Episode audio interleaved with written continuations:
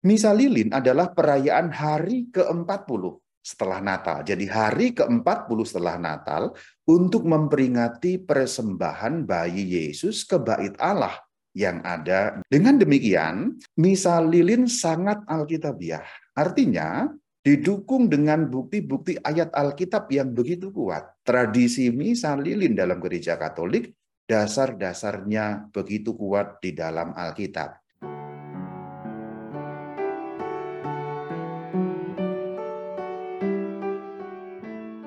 Itulah kenapa pada bagian yang pertama aku mengajak semuanya untuk melihat landasan Alkitabiah dari Misa Lilin ini.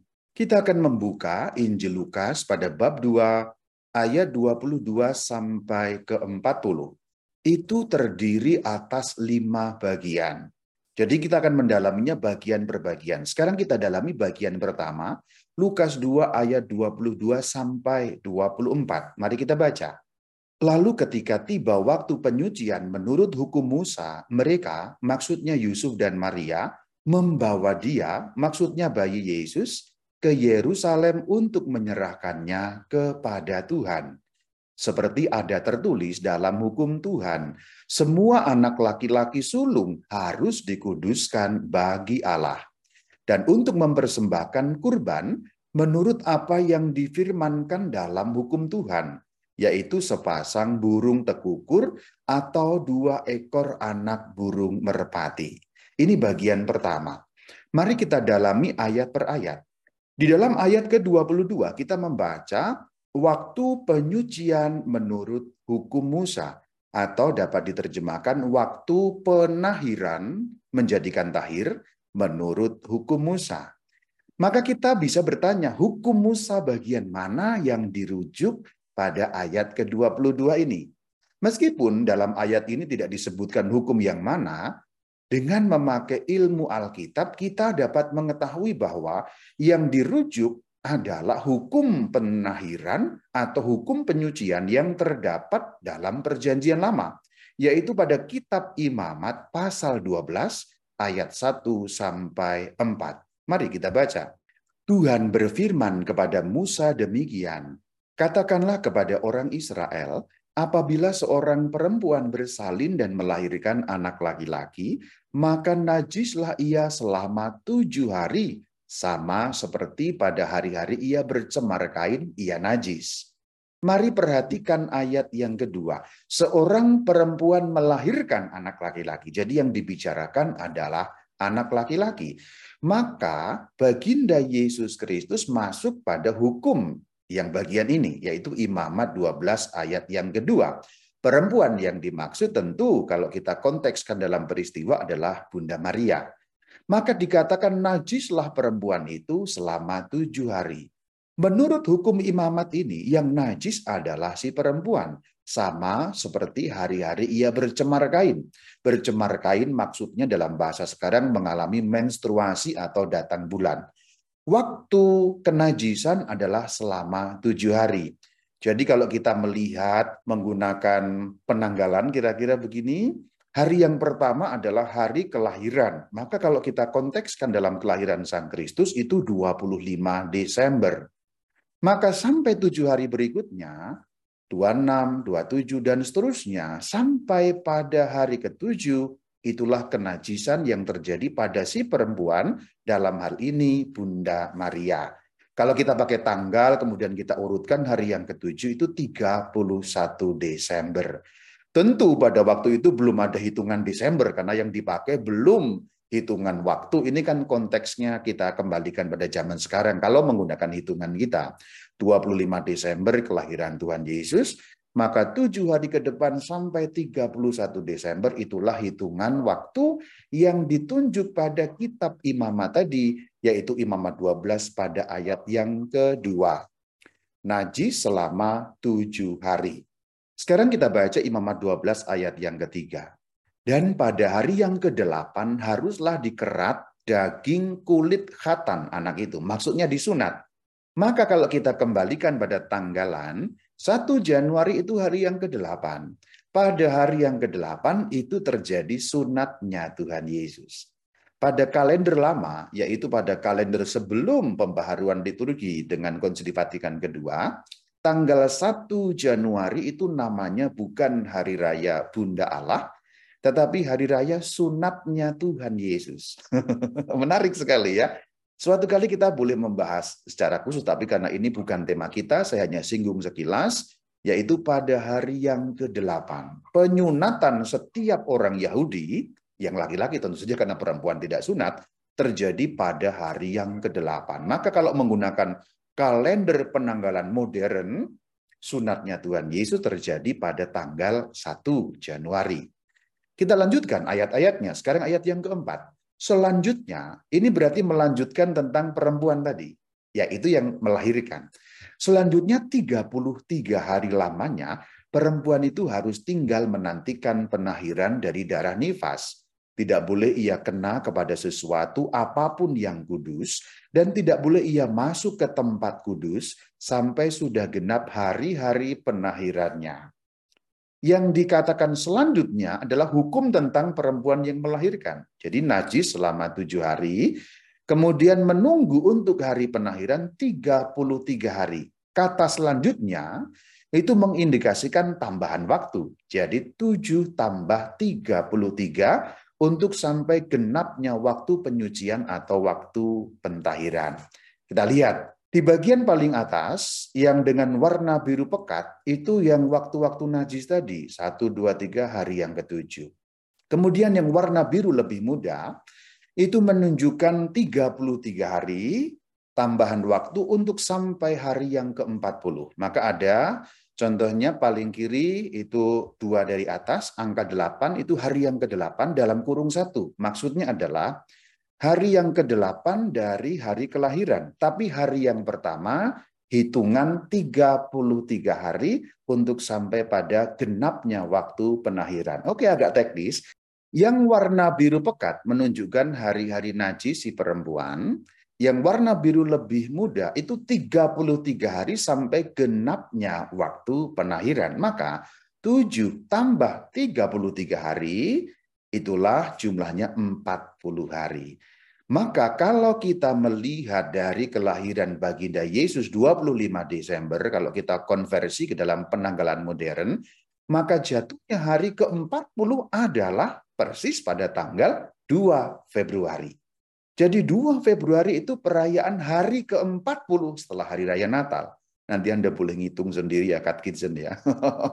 Tapi saya sudah menghitungkan kalau Anda hitung sendiri Anda kurang kerjaan tentu saja ya.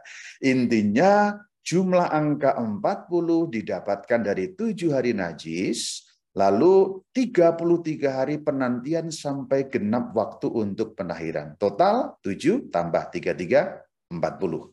Jadi hari ke-40 sejak 25 Desember sebagai hari kelahiran Tuhan adalah tanggal 2 Februari. Demikian penjelasannya.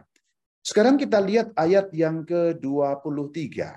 Dikatakan demikian, Hukum Tuhan, semua anak laki-laki sulung harus dikuduskan bagi Allah. Ada hukum Tuhan yang menyatakan seperti itu. Maka kita boleh bertanya, hukum Tuhan yang mana yang menyatakan bahwa semua anak laki-laki sulung atau putra sulung harus dikuduskan bagi Allah. Dengan menggunakan ilmu Alkitab, kita dapat menemukan bahwa hukum itu ditemukan dalam kitab keluaran pasal 13 ayat yang kedua yang merupakan hukum persembahan putra sulung. Mari kita lihat. Kuduskanlah bagiku bagi Allah semua anak sulung. Semua yang lahir terdahulu dari kandungan pada orang Israel. Baik pada manusia maupun pada hewan. Akulah yang empunya mereka. Jadi di dalam konteks kebudayaan dan agama Israel, anak sulung baik anaknya manusia Israel maupun anaknya hewan yang dipelihara oleh orang-orang Israel adalah miliknya Tuhan. Maka perlu dipersembahkan. Maka ada persembahan putra sulung, juga ada persembahan anak hewan yang lahir sulung sebagai miliknya Allah. Dengan dipersembahkan, itu merupakan penanda bahwa anak ini, yang sulung ini, putra sulung ini menjadi miliknya Tuhan.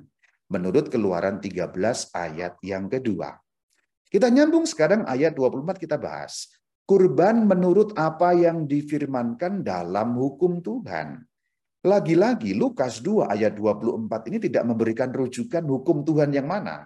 Tetapi sebagai orang yang mengerti sedikit Alkitab, kita dapat melacaknya bahwa hukum Tuhan yang dimaksud adalah hukum penyucian yang juga bagian awal tadi sudah kita kutip.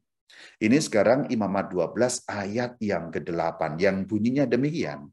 Jikalau ia tidak mampu untuk menyediakan seekor kambing atau domba, maka haruslah ia mengambil dua ekor burung tekukur atau dua ekor anak burung merpati, yang seekor sebagai kurban bakaran dan yang seekor lagi sebagai kurban penghapus dosa, dan imam itu harus mengadakan pendamaian bagi perempuan itu.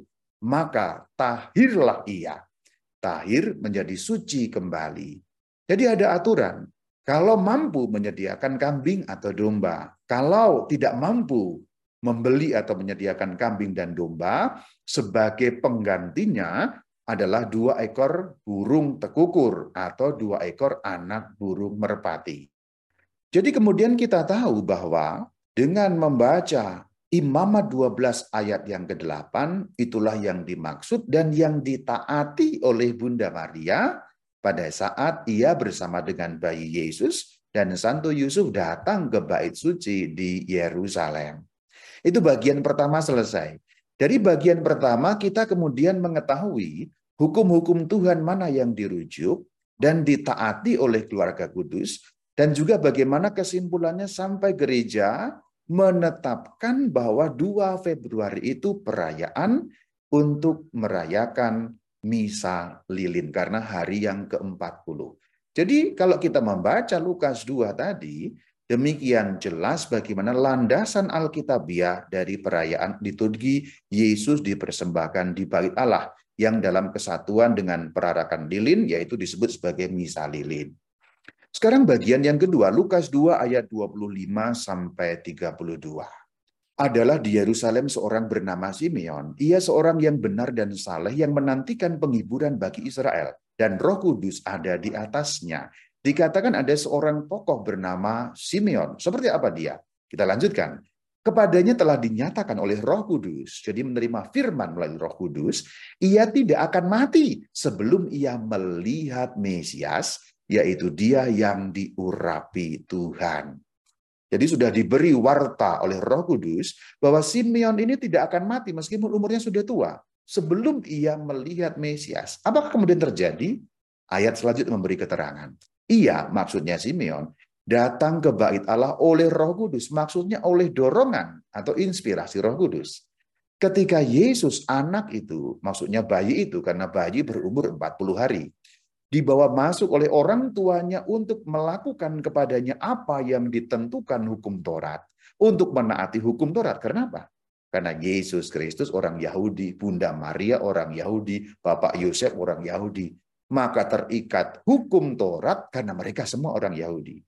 Selanjutnya ayat 28. Ia maksudnya Simeon menyambut anak itu dan menggendongnya sambil memuji Allah katanya. Dan seterusnya.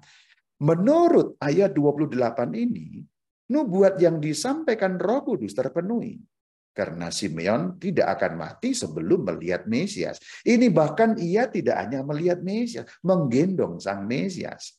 Maka dikatakan sambil memuji Allah, yang perkataannya itu terdapat dalam ayat 29 dan seterusnya. Bunyinya demikian.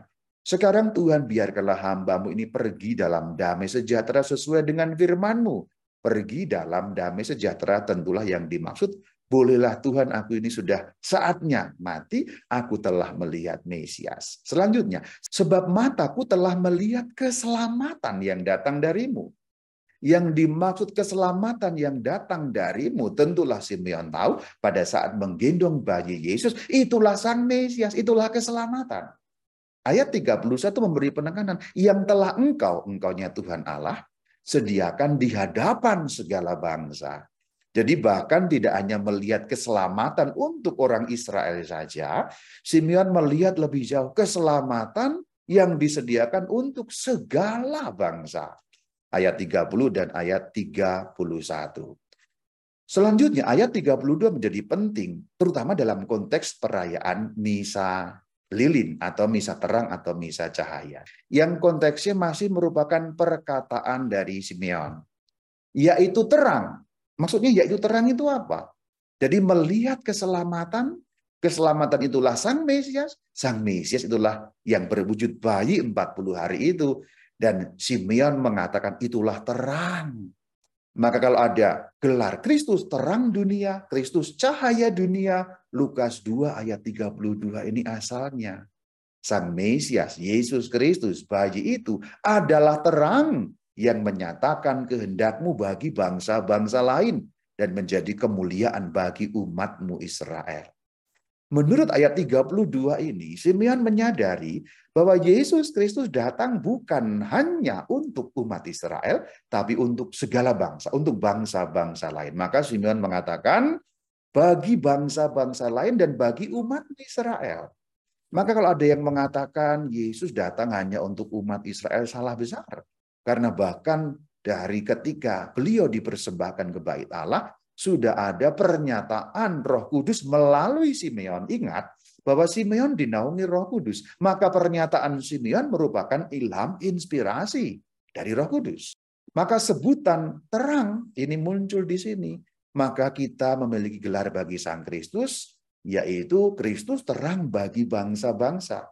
Bahkan gelar terang bagi bangsa-bangsa ini dijadikan salah satu judul dokumen gereja yang dalam bahasa Latin berbunyi lumen gentium, terang bagi bangsa-bangsa. Itulah Kristus.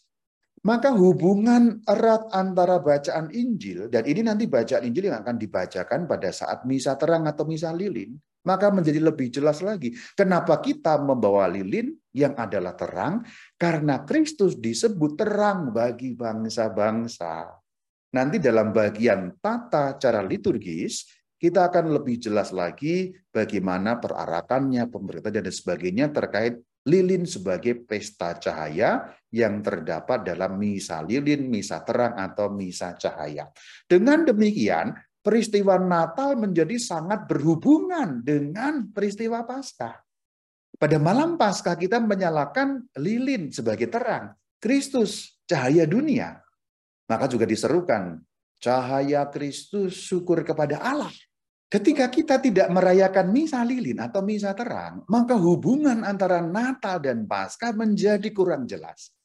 Ketika kita bangkitkan kembali misa lilin alias misa terang ini, nanti hubungan Natal dan Paskah lebih jelas lagi. 2 Februari sebagai penutup secara tradisional masa Natal ditandai dengan pesta terang, pesta cahaya, pesta lilin. Nanti malam Paskah juga ditandai dengan pesta cahaya, pesta lilin. Kristus sebagai terang. Maka sebenarnya sayang sekali ketika misa lilin hilang dari liturgi kita begitu saja. Penekanan Natal dan Paskah menjadi seperti terputus. Tapi kalau nanti kita bangkitkan kembali, dan aku minta pertolongan kepadamu, Kitchen semuanya, untuk mewartakan masing-masing kepada parokimu, tempat tinggalmu, komunitasmu. Kembalikan misa lilin ini, karena signifikansinya begitu penting. Makna pentingnya untuk menghubungkan Natal dan Paskah begitu luar biasa. Dengan menghilangnya misa lilin, sepertinya Natal dan Paskah tidak ada hubungannya sama sekali. Sepertinya, padahal pelayanan liturgi sangat menghubungkan kedua itu. Selama ini kita agak-agak salah paham bahwa liturgi Katolik itu hanya pada malam Paskah yang pakai lilin. Oh tidak. Perayaan seputar Natal karena sebenarnya misa lilin adalah misa penutup masa Natal sebenarnya secara tradisional. Meskipun setelah pemugaran liturgi maknanya agak sedikit lain. Tapi kalau kita hidupkan kembali, keduanya menjadi lebih terhubung. Natal dan Paskah ditandai dengan keterhubungan Kristus terang bagi bangsa-bangsa. Kristus cahaya dunia. Haleluya, saudara. Kita lanjutkan sekarang pada bagian yang ketiga masih pembahasan landasan Alkitabiah. Lukas 2 ayat 33 sampai 35. Bapak serta ibunya, Yusuf dan Maria, amat heran akan segala sesuatu yang dikatakan tentang dia. Tentulah mereka keheranan. Karena yang dinyatakan luar biasa, Kristus sebagai terang. Lalu Simeon memberkati mereka dan berkata kepada Maria, ibu anak itu, Bagian selanjutnya dari perkataan Simeon adalah lihat bagian yang tercetak warna putih, perkataan kepada Bunda Maria. Jadi ini ngomong khusus berdua dengan Bunda Maria. Simeon mengatakan, sesungguhnya anak ini ditentukan untuk menjatuhkan dan membangkitkan banyak orang di Israel dan untuk menjadi suatu tanda yang menimbulkan perbantahan supaya menjadi nyata pikiran hati banyak orang. Tetapi kelak suatu pedang akan menembus jiwamu sendiri. Siapa yang dimaksud jiwamu atau mu di sana? Karena pembicaraan ini ditujukan kepada Maria. Ingat ayat 34 berkata kepada Maria, maka perkataan jiwamu, mu yang di situ adalah Maria. Suatu pedang akan menembus jiwa Maria. Dari nubuat Simeon Lukas 2 ayat 35 ini, kemudian kita mengenal tujuh kedugaan Bunda Maria sebagai pemenuhan dari nubuat pedang yang menembus jiwa. Kita lanjutkan. Sekarang masuk pada bagian yang keempat, Lukas 2 ayat 36 sampai 38. Lagi pula di situ ada Hana, seorang nabiah. Nabiah berarti nabi perempuan, anak perempuan Fanuel dari suku Asher. Ia sudah sangat lanjut umurnya. Kemudian dimunculkan satu lagi sosok yang bernama Hana, Anna atau Hannah. Nama ini adalah nama yang sama dengan nama ibunda dari Ibu Maria. Ibu Maria itu anak dari Hana dan Yohakim. Jadi nama yang sama tetapi ini bukan orang yang sama tentu saja. Hanya dikatakan seorang nabi perempuan yang sudah lanjut umurnya. Sesudah kawin, ia hidup tujuh tahun lamanya bersama suaminya, dan sampai sekarang ia janda dan telah berumur 84 tahun. Ia tidak pernah meninggalkan bait Allah dan siang malam beribadah dengan berpuasa dan berdoa. Seorang nabi perempuan yang janda yang selalu berdoa dan berpuasa di dalam bait Allah. Pada saat itu juga datanglah ia ke situ. Berarti pada saat Simeon datang, ketemu dengan keluarga kudus, Hannah juga datang dan mengucap syukur kepada Allah dan berbicara tentang anak itu kepada semua yang menantikan kelepasan untuk Yerusalem. Memang pembicaraan Hana tidak dikatakan, tapi dikatakan dengan ringkas pada ayat 38, berbicara tentang anak itu. Tentu yang dimaksud juga bernubuat tentang Yesus Kristus Tuhan yang akan melepaskan umatnya dari belenggu. Maka dikatakan semua orang yang menantikan kelepasan untuk Yerusalem. Jadi bagian keempat ini kita menemukan satu tokoh lagi yaitu Hana, Anna atau Hana. Bagian terakhir Lukas 2 ayat 39 sampai 40. Setelah selesai semua yang harus dilakukan menurut hukum Tuhan, kembalilah mereka ke kota kediaman mereka, yaitu kota Nazaret di Galilea. Anak itu bertambah besar dan menjadi kuat, penuh hikmat dan anugerah Allah ada padanya. Penekanan pada bagian terakhir adalah mereka menyelesaikan semua, yaitu pemenuhan hukum Tuhan, hukum Taurat. Dengan demikian, ayat-ayat Alkitab, terutama bagian Injil Lukas ini, ingin memberitahu kita bahwa keluarga kudus orang yang begitu taat pada hukum Tuhan. Bapak Yusuf, Bunda Maria, Baginda Yesus, mereka menyelesaikan semua menurut hukum Tuhan. Jadi orang-orang yang bukan sembarangan, tapi sangat-sangat bertakwa kepada Tuhan, terbukti mereka menyelesaikan segala sesuatu yang dituntut oleh hukum bagi mereka itu. Jadi penekanannya pada kata setelah selesai semua yang harus semua yang diwajibkan dalam hukum Tuhan. Maka kalau kita ringkas, Lukas 2 ayat 22 sampai 40 terdiri dari lima bagian. Bagian pertama adalah pemenuhan hukum. Diceritakan dengan rinci bagaimana mereka datang, dan juga sudah kita bahas tadi, rujukan-rujukan hukum Tuhan yang mana yang telah dipenuhi. Bagian kedua menampilkan sosok Simeon yang datang ke bait suci dan berjumpa dengan menggendong bayi Yesus. Bagian ketiga disampaikan nubuat Simeon untuk baginda Yesus yang waktu itu masih bayi 40 hari dan juga disampaikan nubuat tentang Maria bundanya. Lalu muncul sosok nabi perempuan Hana yang juga berbicara mengenai sang bayi meskipun tidak dikatakan isi pembicaraan apa. Bagian terakhir ayat Alkitab menegaskan bahwa mereka menyelesaikan semua yang diminta oleh hukum Tuhan. Demikian landasan Alkitabiah bagi misa lilin. Dan nanti kalau Anda akan mengikuti misa lilin, ayat-ayat Alkitab inilah yang akan dibacakan dalam misa lilin. Jadi Injil yang dikutip dalam misa lilin adalah Lukas 2 ayat 22 sampai 40.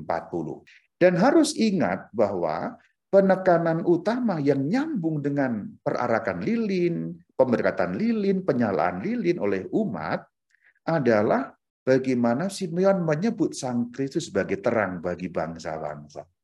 Jadi ayat-ayat Injil dihidupkan dengan penyalaan lilin. Maka menjadi seperti pesta terang, pesta cahaya. Dengan demikian bagian landasan Alkitabiah sudah selesai.